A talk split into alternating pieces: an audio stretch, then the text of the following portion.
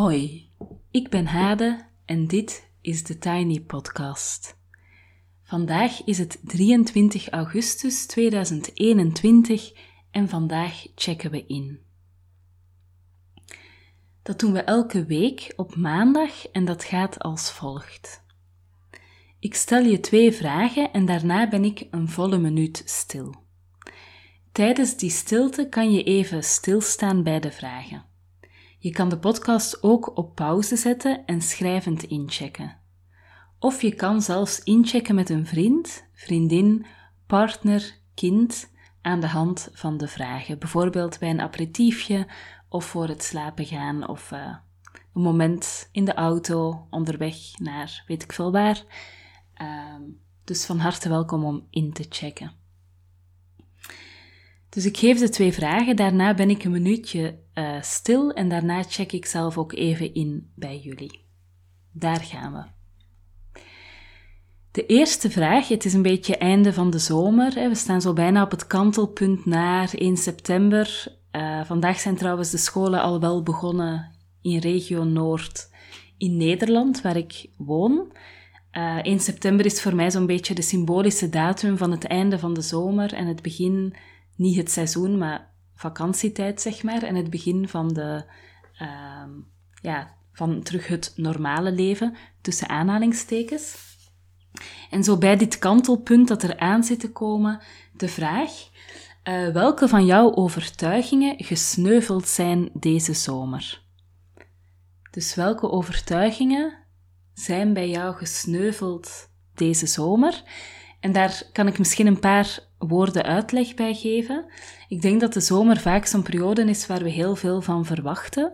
En dat we dan denken dat we duizend boeken gaan lezen en uh, altijd leuk elke dag uitgebreid gaan ontbijten met onze partner en heel veel gezelschapsspelletjes gaan spelen met de kinderen en allemaal toeristische verantwoorde culturele uitstapjes uh, gaan doen. Dus ik denk dat er op voorhand vaak zo heel veel gewicht ligt uh, op de zomer en dat de zomer allerlei verwachtingen moet waarmaken. En waarschijnlijk zijn er, net als bij mij, ook bij jou wel wat overtuigingen gesneuveld. Dus welke overtuigingen zijn uh, gesneuveld bij jou deze zomer? En de tweede vraag is, ondanks dat, wat blijft er voor jou overeind? Voilà. Dus welke overtuigingen zijn bij jou gesneuveld deze zomer en, ondanks dat, wat blijft er overeind? Check fijn in aan de hand van de vragen, schrijvend, denkend, wandelend, tekenend, uh, wat bij jou past. En dan doe ik hetzelfde binnen een minuutje.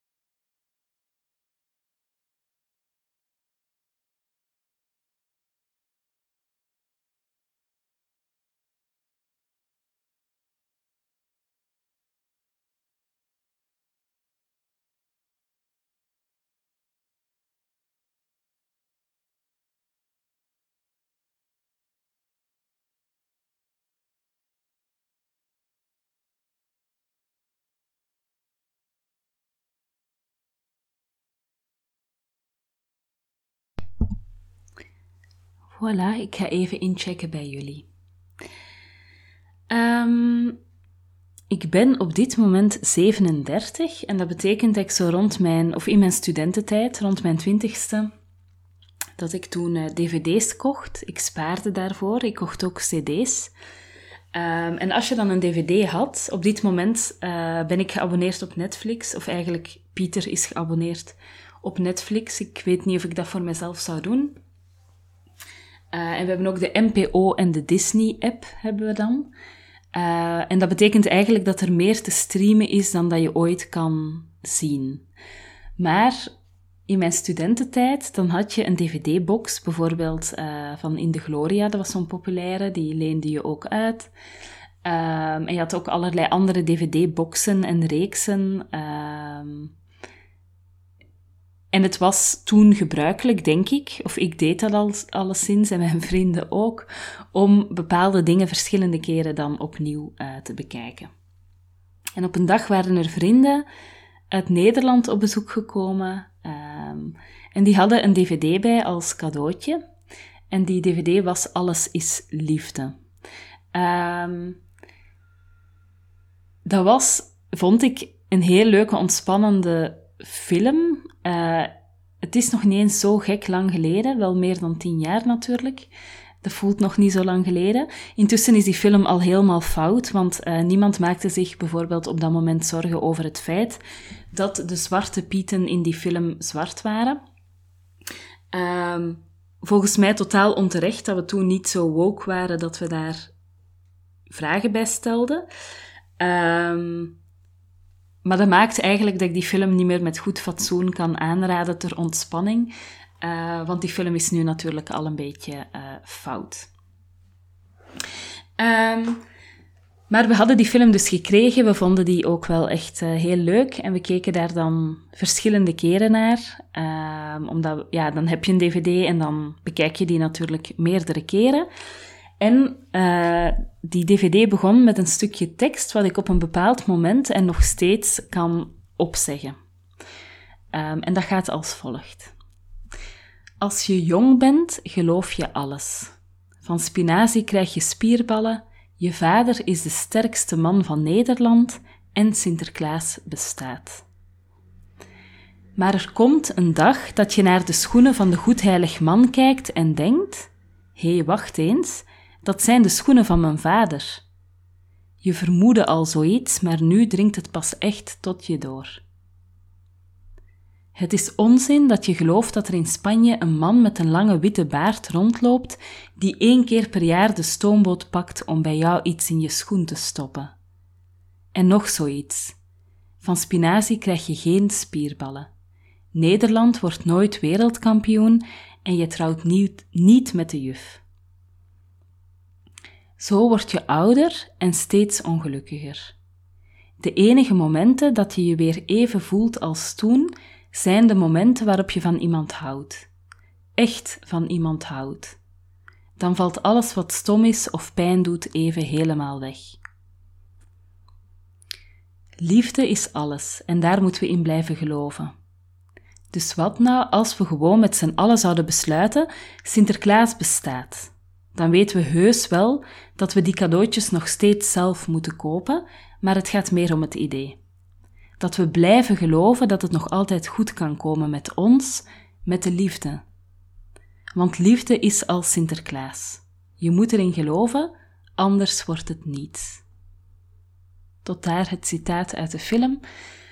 Het is uiteraard een beetje simplistisch, maar ik vind ook wel. Ik heb dat altijd een heel ontroerend stukje gevonden en ook wel waar in zijn simpelheid. Uh, en nu maak ik maar een, een variant over de zomer. Als het juni is, geloof je alles. De zomer wordt warm en zonnig, je gaat je hele huis opruimen, een geweldige vakantie hebben, leuke dingen doen met je partner en je kinderen en ook nog tijd voor jezelf hebben. Je gaat tijd hebben om goed te koken, veel te sporten en die hele stapel boeken te lezen. Je gaat je financiën op orde krijgen, al die verwaarloosde vrienden terugzien en je zoon leren schaken. Niemand gaat overgeven op de achterbank en je gaat elke dag mediteren en yoga doen en hardlopen. En dan plots is het eind augustus en denk je: hé, hey, wacht, de zomer is bijna voorbij en het weer was niet fijn. Ik vind op dit punt mijn partner en kinderen bloedirritant. Het huis is een stal en ik denk dat ik dat pas weer op orde krijg als iedereen weer naar school, werk of opvang gaat. En dan nog ga ik niet meteen opruimen, maar gewoon op de bank liggen met een doos chocolade. De dagen gingen voorbij, de boeken bleven grotendeels ongelezen. Ook in de zomer was die snelle pasta meer voor de hand liggend als avondeten dan een uitgebreide uh, vijfsterrenmaaltijd die je zelf zou kunnen koken. En ik verschijn min of meer blij dat de zomer voorbij is, weer aan de start. Nu, dit is niet helemaal um, autobiografisch. Ik had nooit de intentie om mijn kind te leren schaken, want ik kan zelf niet schaken. En deze zomer heeft er echt oprecht niemand overgegeven op de achterbank. Dus uh, dat, dat uh, live goal heb ik volledig afgevinkt. Um, het klinkt misschien nu alsof mijn zomer helemaal niet fijn was, uh, maar ik, ja, dit is zeg maar een soort construct van alle dingen die ik ook bij vrienden, vriendinnen, ook op social media heb gehoord en gelezen. Zo die enorme verwachting, de illusie dat je met kinderen en kan opruimen en kan uitrusten en je kan nog rustig werken en je kan veel sporten. Uh, al die verwachtingen, ergens eind augustus ben je toch min of meer gedesillusioneerd. Um, en realiseer je je dat die grote verwachtingen die je in juni koesterde, dat die waarschijnlijk toch naïef waren. Ik ben er zelfs over aan het denken, want ik heb ook gelijkaardige ervaring, um, dat ik op 1 juni uh, bij mezelf een brief laat toekomen, die ik nu dus zou moeten schrijven, uh, die kan ik dan op mijn digitale deurmat laten vallen, om mij er dus aan te doen herinneren niet in te zetten op die idylle, die grote verwachtingen van de zomer en gewoon blij te zijn met wat er komt. En ik geloof dat dat een goed antwoord is op de eerste vraag. Ik had in juni echt een naïef idee dat heel mijn leven op dit punt helemaal op orde zou zijn, dat ik volledig uitgerust weer aan een, uh, een nieuwe periode zou kunnen beginnen. En de realiteit is dat ik gek word van uh, de prikkels op dit moment thuis, uh, van al mijn ontregelde kinderen, dat de kinderen veel meer snoep hebben gegeten dan ooit in mijn opvoedkundig uh, plan zat. Ehm, dat vakantie ook best wel saai kan zijn, zelfs al bij op een mooie plek waar veel te doen is. Dan nog moet je zowel de dag elke keer weer, je moet altijd weer verzinnen wat je gaat doen en dat dan ook doen. Um, en uitrusten is natuurlijk een soort van illusie met, uh, uh, of toch in een gezin met zes mensen. De tweede vraag was wat er overeind uh, blijft. Welke illusies, verwachtingen, hoop en dromen er over zijn. Wel, ik heb bijvoorbeeld uh, ontdekt wat, wat, ik niet had verwacht, uh, dat ik heel goed iemand kan zijn zonder mijn werk. De laatste twee jaar ben ik gestart met ondernemen en dat is uiteraard super intens. Dat ging bij mij ook echt heel erg samenvallen met mijn identiteit. Ehm, zo, ja, wat ik deed en wie ik ben. En het succes of het ontbreken van succes hakte er dan ja, als, weet je, als iets wat ik dan uh, deed als ondernemer goed uitpakte, dan droeg dat enorm bij tot mijn welbevinden. En als dingen dan niet goed uitpakten, dan uh, deed dat ook heel veel afbreuk aan hoe ik mij voelde en aan mijn welzijn. Um, en ik heb gelukkig ontdekt in Zwitserland dat ik heel goed gewoon kan zijn. Ik kan heel goed wandelen in de bergen, praten met vrienden, uh, aperitiefjes drinken, eeuwig rummikub spelen met mijn kinderen, zonder dat ik zo mijn werk nodig heb om mijn identiteit te stutten. Dus daar ben ik zelf wel echt heel blij mee. Uh, ja, dat ik dat uit deze zomer mag oogsten. En ik heb ook nog steeds, ondanks het feit dat de zomer uh, extreem vermoeiend uh, leek, ik heb nog steeds de illusie, hoop en droom dat ik fris aan de start sta. Ondanks de vermoeidheid en de migraine die ik ook uh, heel heftig heb gekregen op het einde van de vakantie.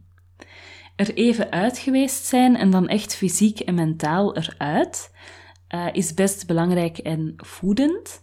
Um, en ik merk dat het draadje weer oppikken mij heel veel stress geeft. Ik, ik heb bijvoorbeeld de nacht van zondag op maandag heel slecht geslapen.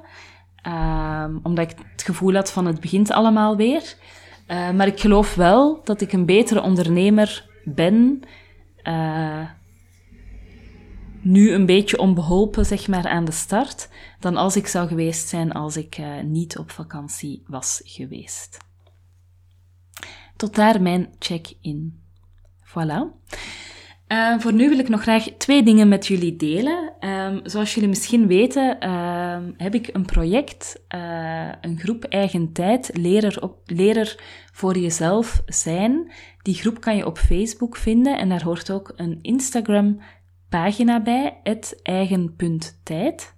Um, en vandaag is daar een nieuwe challenge begonnen, waarbij ik je eigenlijk, of de deelnemers zeg maar, uitdaag om elke dag iets voor zichzelf uh, te doen. Um, en vandaag was dat bijvoorbeeld jezelf uh, een boeketje bloemen cadeau doen. Dat kon zelf geplukt zijn, dat kon een plantje zijn, dat kon uh, gekocht zijn, groot, klein, whatever.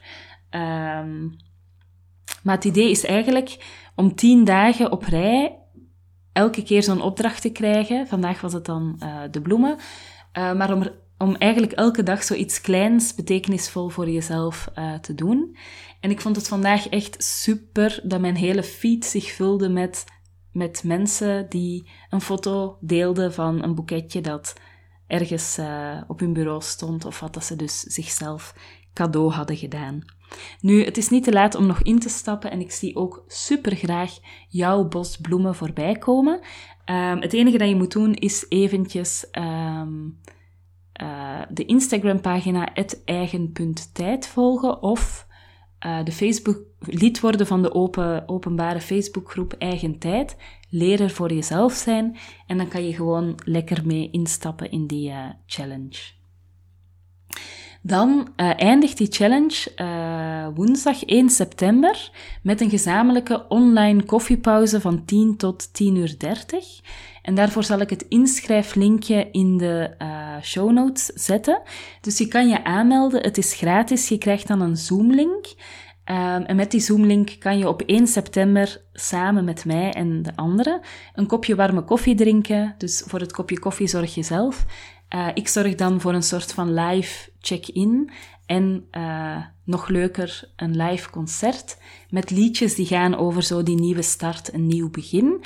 Uh, suggesties voor liedjes zijn ook heel erg welkom, want ik wil heel graag een playlist aanleggen met liedjes die zo gaan over dat gevoel van een nieuwe start, een nieuw begin. Voilà. Tot zover voor vandaag. Als je dus meer wil weten, kijk gewoon even in de show notes. Uh, dat is de tekst die bij de uh, aflevering hoort en die je dus uh, in de beschrijving van de aflevering kan vinden. Je kan me volgen op Instagram, TheTinyPodcast. Ik vind het altijd heel leuk om even te zien waar je naar de podcast luistert of een foto van je schriftje waar je mee incheckt of whatever. Vind ik altijd super leuk om wat terug te krijgen. Je kan je abonneren via Google of Apple Podcast, in Spotify of in je favoriete podcast-app. En dan krijg je dus telkens de nieuwste aflevering in je overzicht. En dat is normaal elke weekdag. Vanaf 1 september uh, weer elke weekdag en tijdens de zomer elke maandag.